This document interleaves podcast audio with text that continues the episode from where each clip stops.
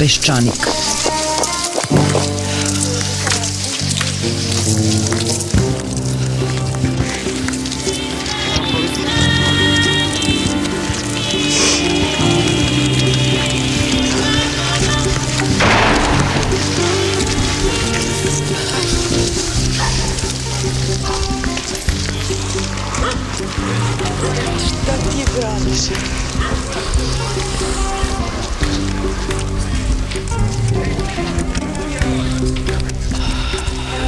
Peščanik.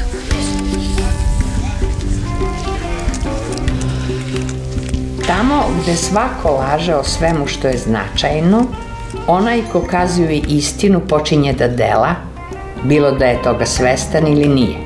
Tako se i on upliče u političku delatnost, jer u slučaju da preživi što nije sigurno, on započinje promenu sveta. Valjda je prošla ova zamorna, dosadna i opasna histerija koja je poslednjih dana vladala u zemlji. Sada se valja vratiti u stvarnost, a tamo nema prostora za velike reči kao što su korak pobednika, ponos, nacionalno dostojanstvo.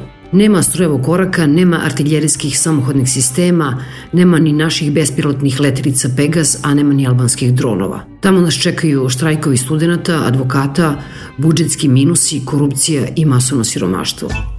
Teške reči i uvrede koje razmenjuju naši albanski političari i mediji povodom futbolske utakmice u kojoj se ne zna koji tim je igrao bedni futbal, dobit će razrešenje ne na specijalnom hitnom zasedanju Saveta bezbednosti Ujedinih nacija, kao što bi voleli i ovi u Beogradu, a i oni u Tirani, nego na disciplinskoj komisiji UEFA. I vojna parada je završena. Uzvišene reči o večnoj ljubavi i još večnijem savezništvu Rusije i Srbije su izgovorene, Putin je odleteo i sada treba analizirati šta smo sve to od ugovora potpisali, ali i kako će naš zagrljaj sa Vladimirom Vladimirovićem protumačiti u Briselu. Od bezbroj Putinovih slika nisam mogla da zaključim koliko je ljudi na paradi pevalo Srbija, Rusija, ne treba nam Unija, ali valjda iz straha od onoga što sam gledala na Majdanu na početku ukrajinske krize, taj trenutak mi se činio kao naš mali Majdan. Ne znam da li su možda i ostali prisutni na paradi, kao i oni kraj TV ekrana u sebi pevali tu pesmicu. Kao što ni mnogi na stadionu nisu glasno pevali ubi za kolji da Šiptar ne postoji, ali su ovi koji su otvarali usta dali ton i zbog njih će disciplinska komisija UEFA s pravom kazniti Srbiju. U mesecima koji dolaze znaćemo da li su ovi pevači na paradi i na stadionu bili prethodnica nečega ili samo beslovesni svet koji voli da se proveseli na granici razuma. U današnjem pešaniku govorit će dvoje istoričara, Dubravka Stojanović i Srđan Milošević, koji će probati da nam objasne na prvi pogled neobjašnjive stvari. Kako to da smo se odjednom setili svoje antifašističke prošlosti? Šta je to nateralo četničkog vojvodu Nikolića da stoji mirno dok ispred njega marširaju vojnici uz partizansku pesmu po šumama i gorama? I otkud to da se u centru Beograda odjednom pojavio spomenik Nikolaju II. Romanovu? Slušate najpre Srđana Miloševića. Mislim da je tu zapravo veoma važna ta istorijska putanja razvoja odnosa prema antifašizmu od 90. E, godina pa do današnjeg dana. Zapravo, ja bih rekao da su 90. godine obeležene pre svega antikomunizmom koji je imao uslovno govoreći dva lica. Jedno je bilo ono režimsko, a drugo je bilo opoziciono. Ovo za opoziciju je prilično jasno o čemu se radi. Dakle, ona je bila u manjoj ili većoj meri ne samo antikomunistička, nego rezolutno predeljena za četničku tradiciju.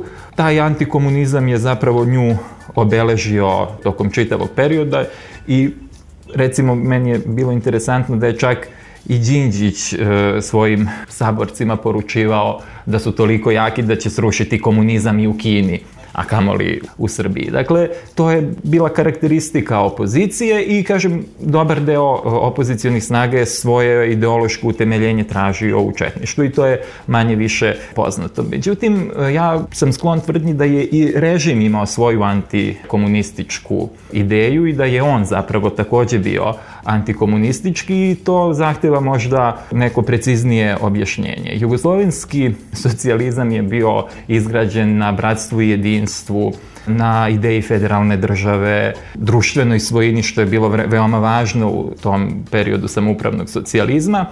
Sve to sa režimom koji je personifikovao Slobodan Miloševića, koji je ipak bio daleko širi od njega kao pojedinca, je nestalo.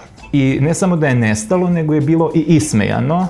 U tom smislu, dakle, nije bilo neke suštinske razlike između režima i opozicije. Sa druge strane, kada se dogodila ta promena 5. oktobra, kada je srušen komunizam u percepciji mnogih, što je, dakle, bilo pogrešno, jer je taj jugoslovenski komunizam srušen već tokom 90-ih i uh, zahvaljujući pre svega Miloševićevom režimu, onda se ta četnička ideologija u stvari instalirala na vlasti. Ono što je bila neka razlika između vlasti i opozicije u odnosu prema prošlosti, a to je bilo da se vlast ipak pozivala na antifašističke tradicije, što je bila obična floskula. Sada je i to promenilo, da tako kažem, sadržaj i opozicija je takođe insistirala na toj antifašističkoj tradiciji, ali je nju videla prevashodno u četništvu. To je čak dobilo svoju zakonsku sankciju tako što je 2004. godine donet zakon koji je kolokvijalno nazvan zakon o izjednačavanju partizana i četnika, i zatim 2006. godine zakon o rehabilitaciji sa skandaloznim odredbama. Kažem, 2006. godine je donet zakon o rehabilitaciji, na osnovu kojeg je bilo moguće otvoreni dakle, prostor za rehabilitaciju ne samo pripadnika e, četničkog pokreta, nego imali smo iskustvo sa rehabilitacijama čak i članova vlade e, i bliskih saradnika Milana Nedića i to je jedan proces koji sada traje pod nešto drugačijim okolnostima. Međutim, onda se odjednom pojavila ta teza i koja je dosta dugo postojala, ali je postala zvanična o dva antifašistička pokreta. I mislim da u tome nije bilo ničeg suštinski, uh, uh, kako bih rekao, relevantnog, osim što je u stvari to bila reakcija na ono što se dešavalo u regionu. Posle 2000. godine, naročito za vreme vladavine, za vreme uh, dva mandata Stjepana Mesića, došlo je do u Hrvatskoj do pozivanja na antifašističku tradiciju, na antifašističke temelje Hrvatske države. To je bila Sanaderova čuvena maksima antifašizam da, komunizam ne. I onda je ovde neko došao na ideju da jednostavno više nekoj konkurenciji prema Hrvatima kaže, e pa ne možete se vi na to pozivati, tu su u stvari bili Srbi.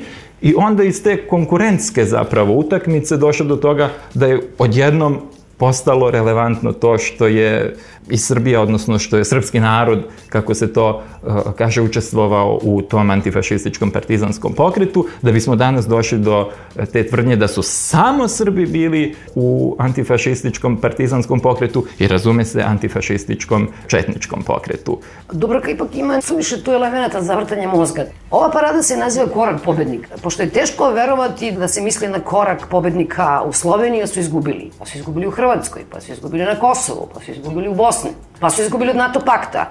Ono, taj korak pobednika je verovatno taj pobednički korak iz 44. godine, ali nikako mi da vidimo ko je nosio te čizme 44. godine jednostavno se to potpuno prećutkoji. Pa to se sve vreme prikriva i ja sad dok se to govorila setila sam se prethodne situacije koja je bila 2009. godine kada je bio Medvedev i kada su isto napravili jedan instant 20. oktobar s tim što tada nije valjda bilo ovako dobra ekonomska situacija da može da se napravi parada nego su morali dosta skromno sa balerinama u Zava centru i to je bila jedna parada koju smo mi tada u Peščaniku analizirali koja je bila krajnje zanimljiva zato što ti koji su došli u uniformama i koji su odneli te najlepše balerine i koji su očigledno pobednici nisu imali nikakve ideološke znakove. Dakle, oni su bili pobednici po tome što su odneli balerine. Ali ono što je zanimljivo to je da se ipak vraćamo na taj 20. oktobar. Bio je do duše Oliver Antić koji je ponudio i četničke zastave. To je nešto sada izgleda sklonjeno, jer ne samo što oni nisu bili tu, to smo poslednjih dana često govorili, ne samo što četnici nisu bili prisutni 20. oktobra u oslobađanju Beograda, nego što su se oni direktno borili protiv partizanskih snaga od leta 44. kad su prešli iz Bosne i bili direktno poraženi od partizana, tek posle toga je došla Crvena armija. Prema tome, Oni su direktno tada sa Nemcima, sa Nedićevcima i Ljotićevcima bili protiv. Prema tome njih sasvim sigurno tu nije bilo. Dakle, 20. oktober je zvanično ukinut 2000. godine. Revolucija takozvana je bila 5. oktobra, 20. oktobra, dakle 15 dana posle toga je rečeno da je taj dan okupacija i da se to više neće slaviti. Toga su se vrlo čvrsto držali gradonačelnici Milan Protić i Nenad Bogdanović, sve do Radmila Hrustanović koja je ponovo to na neki način, mada vrlo skromno, počela da obeležava. Prema tome, mi ipak obeležavamo taj datum, kome je oduzeto sve, jel? Oduzeta mu je ulica, oduzeta mu je nagrada, oduzet je praznik, Dakle, ničeg više drugog nema, prema tome ovo je jedan izvozni proizvod, o tome ćemo kasnije da govorimo.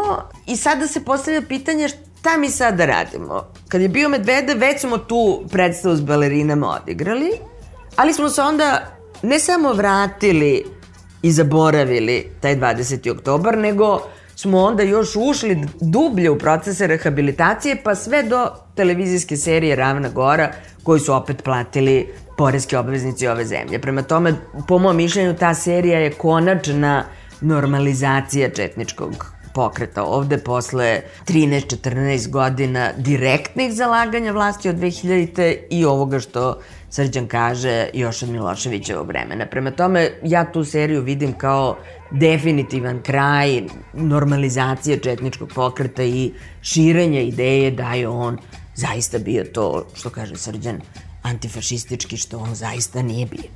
Prema tome, u toj situaciji gde se ta serija završila pre nekoliko meseci, mi sad opet vadimo 20. oktobar i ja mislim da ćemo se mi lepo vratiti na četničku tradiciju čim Putin posle 5-6 sati ode, ja mislim da ovo za 5-6 sati tamo. Dubravka je dobro pomenula to da je 20. oktobar na neki način obezličen i to je zaista tačno i ne samo 20. oktobar nego i taj antifašizam kada je reč o partizanskoj strani medalje tog dvostrukog e, antifašizma. Dakle, on je u potpunosti odvojen od e, komunističke partije Jugoslavije koja je bila nosilac tog otpora i pokretač zapravo narodno-oslobodilačkog rata. Pokret je odvojen od njegovog lidera i naravno većine rukovodstva. Dakle, mi danas imamo situaciju da se daje ulica u gradu Peku Dapčeviću, koji to svakako zaslužuje kao neko ko je komandovao sa partizanske strane oslobođenjem e, Beograda, daje se ulica i Koči Popoviću, ali je glavno komandujući te vojske potpuno skrajnut. Ja ne znam da li još uvek postoji neka ulica u Malom Mokrom Lugu ili negde koje nosi ime Josipa Broza Tita, ako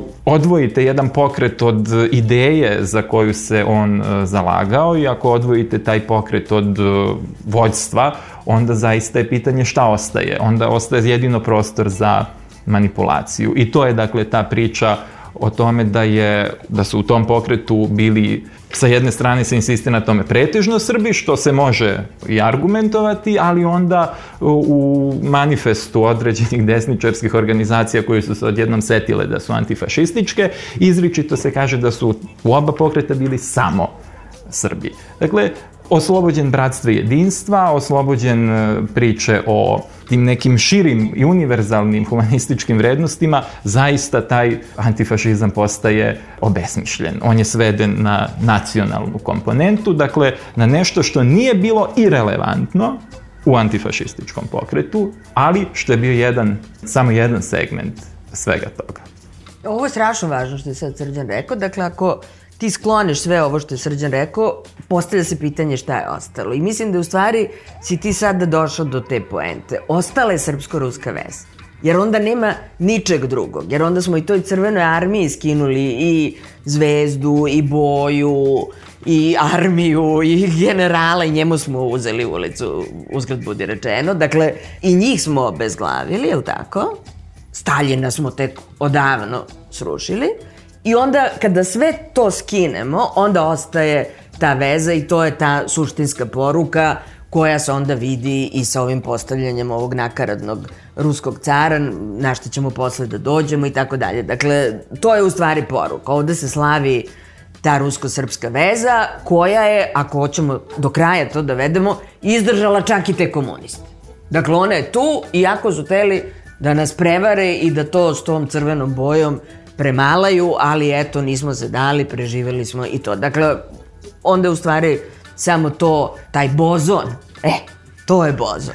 Traže ga, ali mi smo Higgsov bozon, našli smo ga, to je ta veza koju možeš sve da skineš, te razne značke koje se kače, ali onda ona ostaje kao taj jedini e, mogući kontinuitet i to je ta poruka, ja mislim. To naročito treba apostrofirati. Dakle, ta nacionalizacija antifašizma na što je među prvima ukazivao Todor Kuljić je u stvari uh, jedan oblik najgrubljeg falsifikovanja te ideje u ovom ideološkom kontekstu, kada zaista više ništa ne postoji kao stabilna tačka identiteta, ostaje ta vezanost za srpstvo u vrlo raznolikim e, pojavnim oblicima i značenjima za svakog pojedinačnog aktera i ta fascinacija e, Rusijom e, i tom istorijskom ulogom Rusije u srpskoj istoriji, koja je odjednom postala manje više podjednako važna kao i e, istorija sobstvenog, da tako kažem, naroda. Tako da je to možda jedina stabilna komponenta tog nacionalnog identiteta u Srbiji. Srpstvo i ta veza sa Rusima. Ne, mene samo čudi šta tebe čudi kod dva antifašizma. Jer sad, šta da rade oni sa četnicima? Znači, oni hoće sada da vrate četnike i to se radi sistematski 90-ih, 2000-ih, sve do danas. E sad, oni imaju dve opcije. Jedna opcija je da kažu oni su fašisti, to je u redu, što ne mogu da kažem. Znači, druga opcija je da kažu da izmisle da su oni antifašisti. Prema tome, oni nemaju mnogo tu prostora, jer to je zapravo i ključna stvar kojom ti uvek njih možeš da rušiš, jer kaže, čekaj, izvinite, na čijoj strani su se ti ljudi borili, na čijoj strani su oni završili u tom ratu, da li su oni dobili taj rat, ajde da se dogovorimo. Dakle, to stvarno ne mogu da ospore. Oni su se našli na strani gubitnika. E sad, kako to da objasniš? Antifašisti koji su izgubili rat. To je dosta kompleksno. A dobro, kad se kaže četnici, koji četnici? I kako se ja sećam 90. godina, putovala sam sa radnim radikalima ja se sećam da je neko pokušao da peva u autobusu, a to su bili baš ono aktivisti Srpske radikalne stranke, pokušali su da pevaju nešto o Draži, Čiča Draži, htjeli su da ga linčuju, zato što je Draža, njega je dužio Vuk Drašković. A njima je bio Pop Đujić. Tu je Ljotić, tu je i Nedić, tu je sve zapravo. Pa zato što u stvari nije važno. I ono što je suštinsko je ta ideološka veza.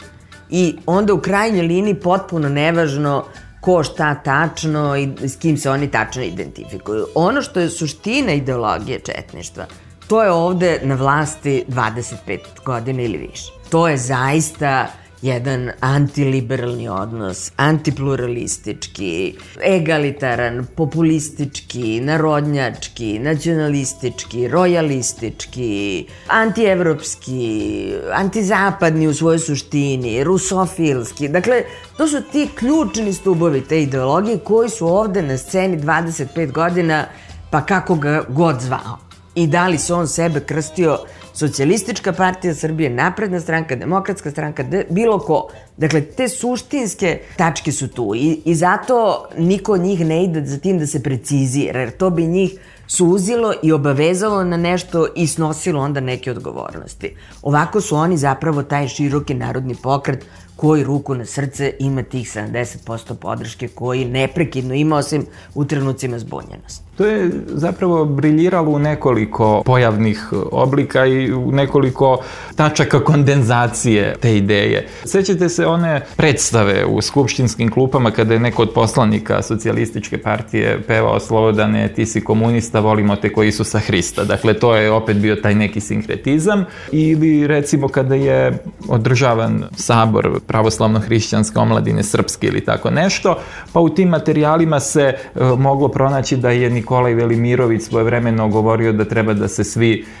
mole za tri srpska mučenika Dimitrija, Milana i Dražu, i da je to zapravo taj nacionalni korpus snaga, onda se u tom nekom hodu tog nacionalnog pomirenja priključila i ta ekskluzivno srpska partizanska priča i kažem na kraju se sve to zaista svelo samo na tu priču o nekakvom nacionalnom pomirenju u srpstvu iako kažem sve to skupa je sa svim tim širenjem pojma postalo krajnje maglovito i mi smo zaista danas došli u tu situaciju da je to zaista jedino važno, da neko ima tu vrstu e, legitimiteta koji je vrlo često možda imaginaran, koji ne odgovara onome što crkva definiše kao srpski nacionalni identitet ili što e, pojedini intelektualci vide kao neki srpski nacionalni identitet, ali je bitno da to ima neku popularnu legitimaciju i onda je sasvim moguće da predsednik Srbije kaže da se u, u Srebrenici dogodio genocid, da kleči, da moli, ali to nije nikakvo značenje. Dakle, to je, kad neko ima tu vrstu legitimacije koju ima sadašnji predsednik Tomislav Nikolić, on može kaže bilo šta. Čak najgore moguće o tom srpskom narodu, recimo, nikakav to neće biti problem. Zato što on ima ovu legitimaciju, gde mu prosto na čelu piše ja sam pravi Srbin. E sad, nema to veze šta on dalje radi i sve je na, zapravo postalo, taj, taj nacionalni etnički kriterijum je postao jedna varijanta ispražnjen smisla, ispražnjen značenja. Sad će neko da kaže, on je u stvari najveći izdajnik. Pa ko te pita? I tako bilo ko, bilo koga možete izvući. A neko može da se oslanja na Rusiju i na tri stuba i da priča o posebnim vezama sa Rusijom i tako dalje, i da mu se jednostavno ne veruje da ima taj legitimitet, recimo mislim na bivšeg predsednika Tadića, može da podiže sva tri prsta u vazduh, ništa mu neće pomoći, jer jednostavno tu vrstu legitimiteta nema. Oni su se setili prvi. Proglasiš sebe ranioci, onda spavaš do podne. Da. To ti je isto i ovo. Da, da, upravo to, tako. Oni su se davno upravo setili tako. prvi i ne možeš ti, to je mesto zauzeto i o tome smo pričali puno puta za opozicijone stranke da prosto je sve i da hoće, nemoj da zauzimo što mesto, to mesto je zauzeto odavno E sad, ono što sam htjela, Dubravka, još jednom samo, u čemu je razlika da je sada vlada ova histerija u odnosu na prethodno recimo Putinov dolazak ovde. Ponekad mi se čini da je to možda zbog rata u Ukrajini. Meni se čini da ta ljubav prema njemu je zapravo poruka zapadu. Mislim, vas ne podnosimo. To je naravno ključno pitanje. Dakle, šta se uopšte dešava. I mislim da tu ima jedan niz političkih faktora. Dakle, jedan od sigurnih političkih faktora to je da vlada vidi da vrlo loše stoji, da će teško izaći iz tih ekonomskih problema, da sa tim integracijama u Evropu se to nešto zastalo, da to ne ide uopšte tako brzo i da tu očigledno postoje ozbiljni problemi i oni moraju hitno da ponude nešto, nešto novo.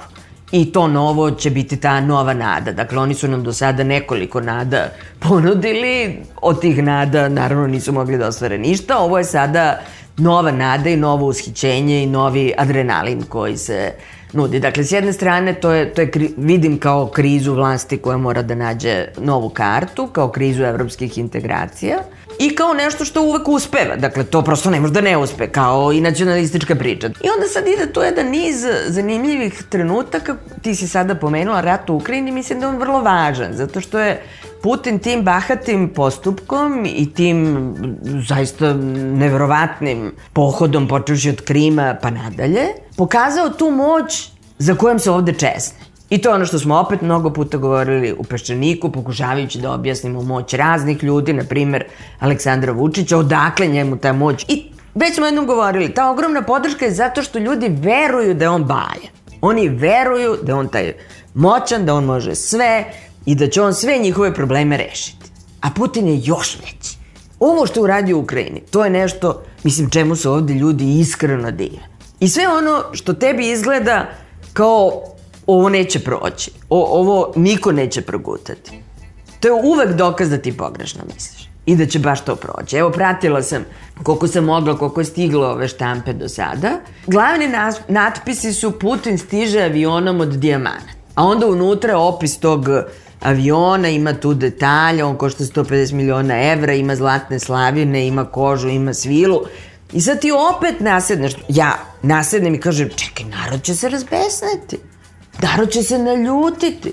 Onda kažem, bože, koliko košta ovo što ovi avioni lete bre dve nedelje, svako to poletanje, jel se to plaća od ovih penzija od 30.000 što su im uzeli 10% i sad ja sve tako se potresam zbog penzionera i, i opet nasedam i mislim narod će se iznervirati. I sve je uvek pogrešno zaključen. Dakle, narod je očigledno oduševljen što je Putin tako tu Ukrajinu rešio.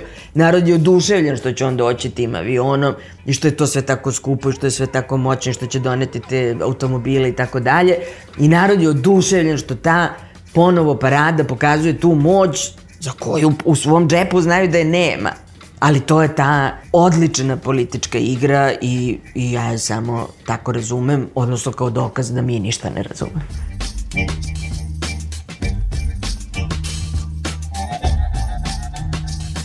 osjeća se jedan ogroman voluntarizam u svemu. Ne postoji nikakav više stabilan vrednostni sistem, neka ideološka tačka oslonca, neki.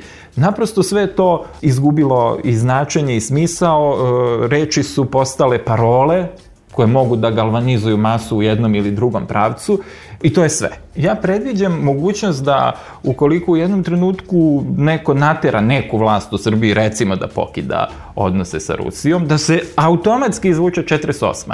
Ja kažem, pa slušajte, pa mi smo još 48. rasčistili sa Rusijom. Ovo je bila neka epizoda, samo Hrvati su bili, Hebrang, ne znam, uh, uh, oni su bili glavna prosovjetska, sve mi smo imali Koču Popovića, on je bio prozapadnjak, nadrealista i tako. To će da bude savršen argument, ali zaista je ovo postala jedna primitivna, postmoderna sprdnja sa istorijom, sa identitetom, sa politikom, ono što mi sve vreme ovde pričamo, to je da je istorija jedna vrlo egzaktna disciplina koja ima svoje vrlo čvrste zakone kako ćeš dokazati neki događaj. Ona uopšte nije proizvoljna, ni na koji način. I ona vrlo jasno zna šta se desilo. Prema tome, samo da se ni slučajno ne misli da istorija ne zna šta je tačno bilo. Nego ono o čemu mi ovde govorimo je takozvano sećanje. Dakle, to je ono što se proizvodi dnevno, što se proizvodi kroz umetnost, kroz medije, kroz eh, na vlade, što bi ovi rekli. E sada, stabilne države, ozbiljne nauke, eh, zrela društva, prosto ne dozvoljavaju svojim vladama da rade ovo što rade. A društva koja su još uvek vrlo zbunjena, kao što je srpsko društvo, se nalaze u ozbiljnoj opasnosti kada vlade šalju neprekidno ovako različite poruke, jer onda oni su potpuno dezorijentisani i više ne znaju ništa šta je ostalo, osim, da opet kažemo, te srpsko-ruske veze i tih trajnih kontinuiteta, tih najdubljih kontinuiteta za koje se onda na kraju uvek uhvate kad kažu jo bože sad je i ovo propalo, pa čekaj ajde opet da se vratimo na ono što je kao sigurno, jel? a to sigurno te već deset puta odvelo u potpunu katastrofu. Tako da su to vrlo opasne stvari. Ovde je važno izbeći jednu zamku koju se često uh, upada kada se govori o nečemu što je shvaćeno kao uh, dva suprotna pola. To je priča o dva ekstremizma. Dakle, sa jedne strane su neki evro e, fanatici, a sa druge strane bi trebalo da budu neki rusofili. Mislim da je jako važno zapravo definisati šta je to što su razlozi jednog ili drugog opredeljenja pod pretpostavkom da su oni racionalni. Ono što mene e, zanima kada govorimo o odnosu prema zapadu i težnji ka nečem što su te evropske integracije, sa svim problemima koji postoje u samoj Evropskoj uniji, sa vrednostnim sistemom koji se tamo promoviše i tako dalje sa jedne strane, dakle, i onoga što postoji u Rusiji, ja sam pre svega zainteresovan za poređenje. Mene zanima, dakle, kakva je prosečna zarada u zemljama Evropske unije, ne nužno najrazvijenijim. Kakvo je stanje ljudskih prava, stanje političkih e, sloboda. I sve to, dakle, u poređenju sa Rusijom. Dakle, to je ono što je kriterijum koji treba imati u vidu kada se neko opredeljuje za jednu ili za drugu stranu. Ja mislim da tu onda nema nikakvog fanatizma. Druga stvar koja je jako važna je e, pitanje okruženja. E, ja mislim da je i za Srbiju region napravio izbor. Jest, sve srđan je apsolutno pravo, to je jedna razumna analiza i potpuno je potpisujem, ali tu nema strasti. Da, ali kako ćeš ti na evropskom programu, koji si ti sada predstavio sa svim njegovim prednostima, izazvati kolektivni trans. Nikako. I sada dok si ti to govorio, ja sam setila jedne stare predstave Mrešćenje šarana. To je jedna vrhunska predstava u Zvezdara teatru bila, koja je govorila i Beu i 48. godini i sad u jednom malom društvu koje zna politička pravila i koje sve prećutkuje i namiguje i sve se dešava pod strogom autocenzurom i autokontrolom, do trenutka kad počnu pevaju ruske pesme. I onda se to društvo raspojasa, zapeva, oseti to olakšanje i tu bliskost i završi naravno golom otoku. Dakle, ali taj trenutak oslobođenja je za mene odlično uhvaćen, jer mislim da se ovih dana u, u celoj ovoj euforiji osjeća jedna vrsta rasterećenosti koju sam ja osjećala kad je propala Jugoslavija. Ne, ne ja, ali koju sam osjećala u javnosti. Kao, huh, možemo otprilike da budemo svoji, ne moramo više da se trudimo pred tim Hrvatima, Slovencima s kojima smo morali da se takmičimo. Kao sada, huh, sad opet možemo budemo svoji, ne moramo tako da se strašno naprežemo kao što smo se ovih godina naprezali oko te Evropske unije. Dakle, osjeća se tu nešto, ono što se zove kulturna intimnost, taj neki signal, neki mig, kao ovo je sada ok, sad, sad je ovo ona prava stvar koju mi u stvari želimo, ali se često trudimo da ne, jer znamo da ćemo dobijemo te kredite i tako dalje, trgujemo s tim. I tu je sada to pitanje, recimo sad bih to možda mogla da povežem sa ovim spomenikom ruskom caru, Nikolaju II. koji se, evo, na brzinu, ništa nisam brže videla da se postavilo u Beogradu od tog spomenika, pratim izgradnju tog postamenta poslednjih dana, to je maestralno bilo kad bi se tako nešto drugo radilo stvarno svaka čast. I sad se postavlja pitanje šta sa to uopšte znači. Možemo na razne načine da ga analiziramo. Prvo što naravno treba da kažemo da je taj car bio jedan od najgorih ruskih careva, da je izgubio i rusko-japanski rat i da je ta Rusija bila u dubokoj ekonomskoj i socijalnoj krizi tokom njegove vlasti koja u krajnjoj liniji dovela te revolucije, da je to jako loše išlo u Prvom svetskom ratu, da je on mnogo verovao e, Raspućinu i sličnim čudnim bićima koje su se kretalo oko tog dvora, tako da je generalna slika istoričarska tog cara vrlo problematična. Dakle, sad baš njega izabrati je vrlo zanimljivo. Što se opet upla, uklapa u antikomunizam, jer njega su ubili bolševici, pa se onda to uklapa u te žrtve kojima se mi bavimo. Međutim, sad tu ima niz nekih detalja kojima bismo mi mogli ovde da se bavimo. Recimo, šta, šta, šta su pisale današnje novine, šta piše na tom postamentu. Na postamentu piše, kaže da Rusija, da je on, kao to bože rekao, ni u kom slučaju Rusija neće biti ravnodušna prema Srb, sudbini Srbije. Dakle, to je prvo dosta ovako slabunjavo, to kao neće biti ravnodušan, pa valjda nešto da uradiš, kao neće budeš ravnodušan. A drugo, dosta mi to zvuči i na ovog Putina, na Savet bezbednosti, na sve to Rusija neće biti ravnodušna. Dakle, to je jedna vrlo jasna poruka e, gde su zapravo prava spoljnopolitička vrata na koja se kuca. E, međutim, ono što mene potpuno tu potresa, to je mesto gde je stavljen taj car. I način na koji je on okrenut. Dakle, on je stavljen u centar srpske državnosti. Svi naravno znaju da ja nisam nikakav ljubitelj nacionalnih država, naprotiv, ali ako živimo u nacionalnoj državi, ona mora imati svoj simbolički centar, to je taj centar. Dakle, tu je Skupština glavnog grada, tu je predsedništvo i preko puta je Skupština. Dakle, to je to srce te države. I ti ga tu stavi. I ti ga okreneš prema tom centru sa tom zastavom i ti šalješ direktnu poruku. Ne samo koja je to veza, nego direktnu poruku da mi jesmo ona gubernija koju je Toma Nikolić sanjao. Tako da je to još jedan element koji mi treba da uzmemo sad u obzir, jer to je i to slavljenje tog ruskog carstva koje, da budemo jasni, slavi Putin i pokušava da ga rekonstruiše ovim što se dešava u Ukrajini.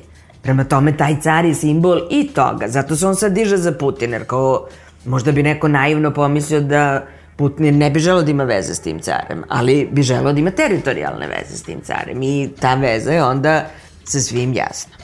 Tako je, to sa ruskim carom je dosta interesantno jer uh, ni u Srbiji o njemu nije vladalo neko izrazito visoko mišljenje. I ovde se u stvari ponavlja jedna situacija da su akteri istorijskih uh, dešavanja zapravo bili daleko racionalniji od onih koji 100-150 godina kasnije interpretiraju ta dešavanja. To je jedna prilično žalosna situacija. Recimo, Nikola Pašić je čestitao Kerenskom kada je formirana vlada nakon februarske revolucije i malo ko je zaista zažalio za onim što se dogodilo februara, pre svega 1917. Eh, godine. To nije bio zgodan trenutak svakako u toku rata, ali neka žal za ruskim samodržavljem zaista nije postojala. Sa druge strane, recimo, interesantno je zašto nije izabrana rečenica ruskog cara koja je po meni uverljivija, koliko se sećamo, treba da je rekao da će ruske trupe preći granicu onog trenutka kada Austrougarska napadne Srbiju. Mislim, to bi bilo ovako dosta upečatljivije. Čini mi se da je dosta ovaj, uverljivije.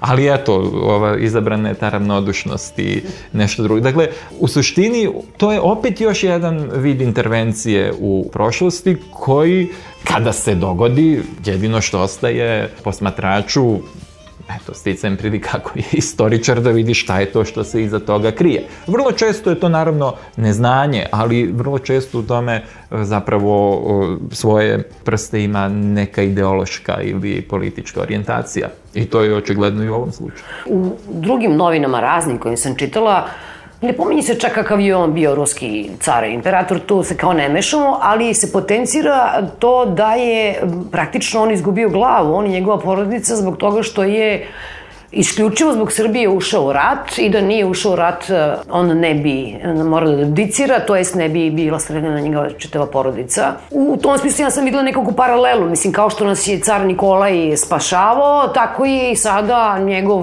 naslednik, jedan od naslednika Putin koji sada dolazi tu sa svim tim ugovorima, sa svim tim stotinama miliona koji pa bi da, mogao da... To, tu si upravo pogodila tu suštinu i tu zapravo kompleksnost tih srpsko-ruskih odnosa i da kažemo kontroverzu, jer taj car je bio car kad je bila aneksija Bosne i Hercegovine. I onda je on rekao, izvinite, gospodo Srbi, Rusija nema snage da vas sad brani, izvolite vi, dragi Beču, izvolite Bosnu i Hercegovinu i potpisao je tu stvar. Taj car je bio isto takođe car toko Balkanskih ratova, kada je Srbija pošto potok tela da osvoji izlaz na more i kada su velike sile rekle da Srbija, uključujući Rusiju, nema šta da traži u Severnoj Albaniji, da mora odatle da se vrati čuveno tri puta prelaženje preko prokletija. Dakle, ruski car se takođe s tim saglasio da to prosto interesna sfera u Strugarske, da Srbija tu nema šta da radi. Prema tome, on u dve situacije, pogotovo u situaciji sa aneksijom Bosne i Hercegovine, nije Srbiju zaštitio. Kako je dobro rekao Milorad Ekmečić u svojoj knjizi Ratni ciljevi Srbije 1914. U julu 1914. Rusija je morala da kaže da će ući u rat na strani Srbije, da će, da će zaštititi u slučaju napada, jer bi, kako kaže Ekmečić, to je mislim jako dobro, da to nije tada uradila, to je treća prilika za, za šest godina, da to tada nije uradilo, ona bi prestala da bude velika sila. Dakle, ona nije branila Srbiju jer je propustila sve prethodne prilike da odbrani, nego je branila svoju poziciju velike sile koju bi apsolutno izgubila da je i tom prilikom da se povukla. Prema tome, to je upravo jako dobra priča o toj složenosti srpsko-ruskih e, veza i tome šta, šta mi očekujemo i šta dobijemo. Recimo, tu isto ima jedan sladak detalj, e, taj spomenik je ovo brzinski stavljen da ga vidi Putin, valjda, A otvaranje neće biti sad, on je sad stavljen samo za Putina bez veze, a otvaranje, piše svuda, je 11. novembra na praznik e, primirja koji mi sad slavimo. I sad opet, mi smo sad istoričari pa moramo se igramo datumima. 11. novembar je 1918. potpisano primirje. Rusija iz rata izašla u februaru te iste godine. Dakle, devet meseci ranije. I nema nikakve veze sa tim primirjem. To primirje potpisala su Britanija, Francuska i Italija. Prema tome, Rusija je već odavno bila izvan tog rata. Prema tome, ni taj datum nema veze. Ali ti onda sve tu možeš da staviš. Možeš da staviš opet prvi svetski rat, da ga opet izvučeš, rusko-srpsku vezu, 20. oktobar, dakle, on on sada opet je neka kutija koju možeš da puniš e, sadržajima koji, koje god hoćeš, ali kažem, to smeštanje na baš to mesto, jer to je, to je u stvari uvek ključena stvar kod spomenika, kako je spomenik okrenut i na kom se mestu nalazi. To je ta poruka, mnogo veća od onog što na njemu piše. I sada si ga stavio baš tu u srce svoje države, za mene to ozbiljan problem. Ovde je pominut sada uh, Milorad Ekmičić i meni pada na pamet jedna njegova, rekao bih, lucidna ocena o tome i ona je vrlo važna za svaku spoljnopolitičku priču kada je u pitanju odnos Srbije i Rusije.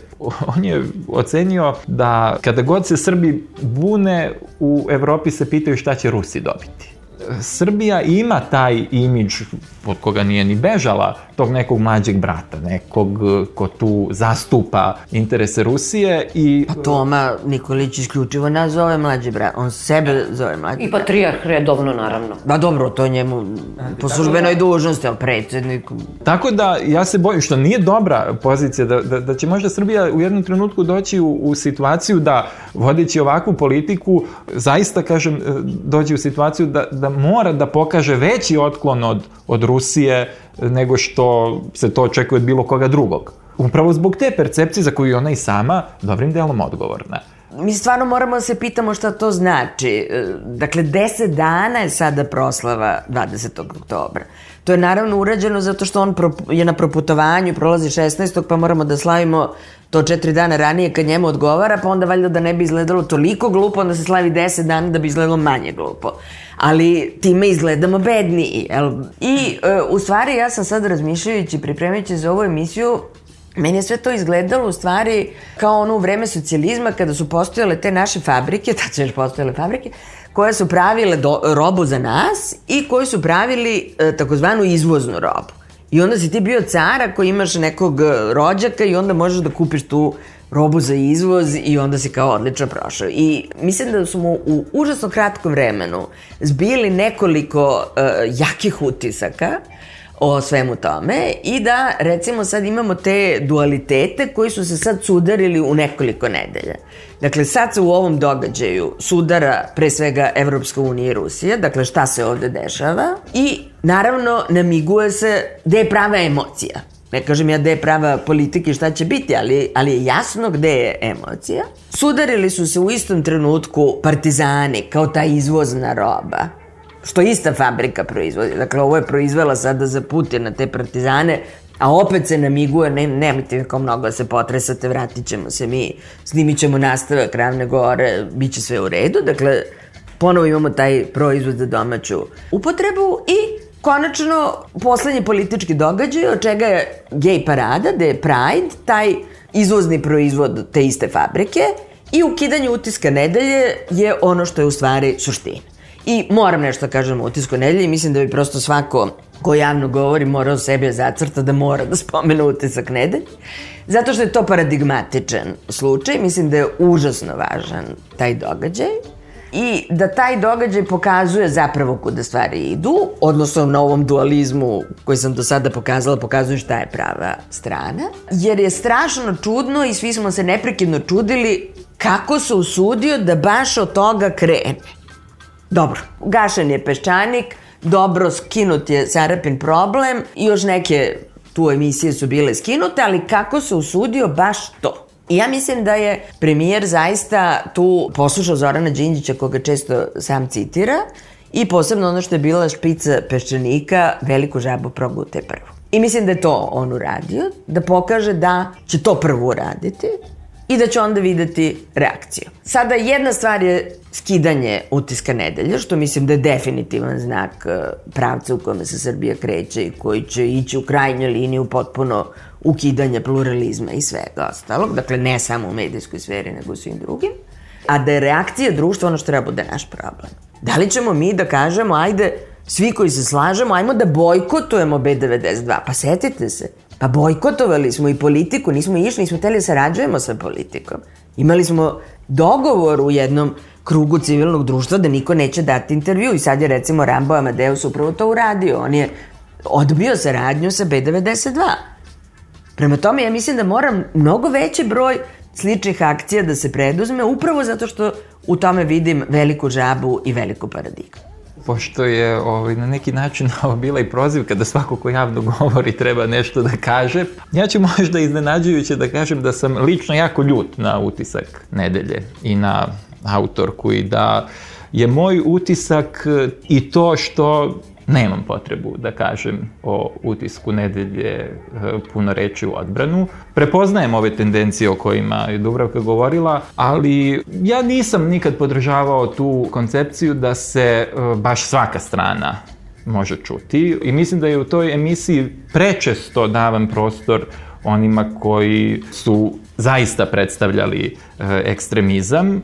Mislim da je ta emisija puno doprinela i ovim rehabilitacijama o kojima sam govorio i prosto uh, u kreiranju te neke atmosfere, to o postojanju neka dva ekstremizma i tako dalje, dat je veliki doprinos. Ponavljam, prepoznajem tendencije, prepoznajem razlog za osudu, ali ne mislim da je konkretna emisija da zaslužuje toliku podršku. Ja se potpuno slažem, ja lično nisam nikada učestvovala u tisku nedelje, jer prosto ne volim na taj način da se svađam i ne volim da budem sama da budem pozvana da budem sama, a oko mene je troje ljudi koji će me neminovno pobediti. Dakle, to prosto nije situacija koja mislim da je u redu za, za takvu emisiju. I nisam nikada učestvovala, ali mislim da to nedopustivo. To je za mene jedan znak uh, osjećaja moći. I moram da kažem zaokreta u politici, jer što je ukinuo to, a nije ukinuo neku desničarsku emisiju, jel?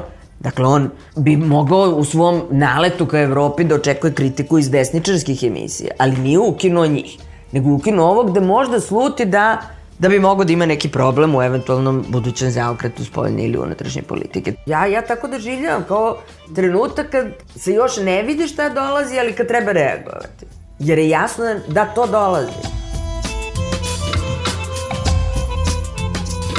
Bio je ovo Peščanik, govorili su istoričari Dubravka Stojanović i Srđan Milošević. Pozdravljaju vas Svetlana Vuković i Svetlana Lugić. Doviđenja.